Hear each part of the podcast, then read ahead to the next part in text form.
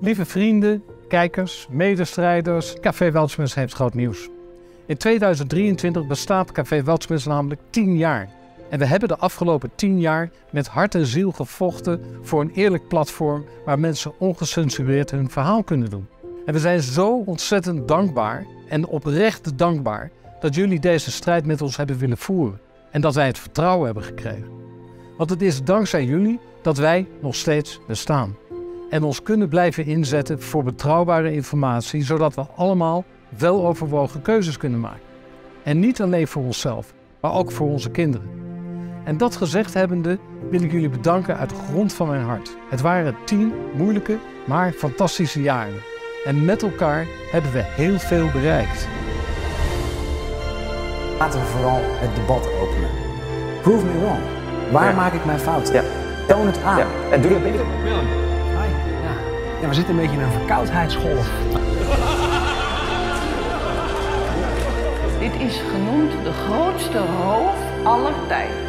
and we knew it was going to be something big. Al jaren erg ik me over de kwaliteit van onze grootste nieuwszender, het NOS Journaal. Blijkbaar is er een noodzaak. Als we kijken naar het functioneren van het OMT, dan moet er dus ook zoiets zijn. En terwijl we ons 10-jarig jubileum vieren, zijn we klaar voor de volgende stap. En daar willen we jullie, de kijker, iedereen, beter en intensiever bij betrekken. We gaan binnen ons gebouw verhuizen naar een grotere ruimte. Met een nieuwe studio waar straks ook publiek aanwezig kan zijn. En waar we ook de ruimte hebben om lezingen en debatten te voeren die dan direct uitgezonden kunnen worden. En zoals jullie kunnen zien moet er echt nog heel veel gebeuren. We zijn er nog niet. En we hebben jullie hulp nodig.